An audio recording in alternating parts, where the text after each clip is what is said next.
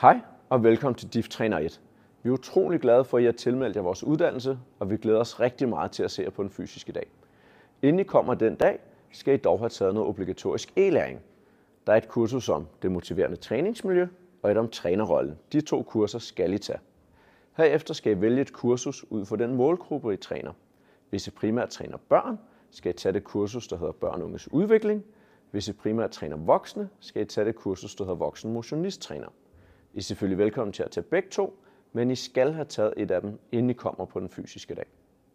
På selve dagen, hvor undervisningen er, der er det rigtig casebaseret undervisning. Så I må gerne allerede nu overveje, om I har nogle problemstillinger derude, noget I synes, I bøvler lidt med i jeres trænergærning, som I kan tage med på dagen og få sparring på af de andre dygtige trænere, der er der, og vores dygtige undervisere.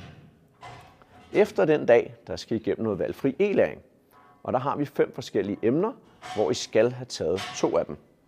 I er selvfølgelig velkommen til at tage dem alle sammen, men I skal tage to af dem for at kunne få jeres diplom, og det har I 14 dage til at gennemføre.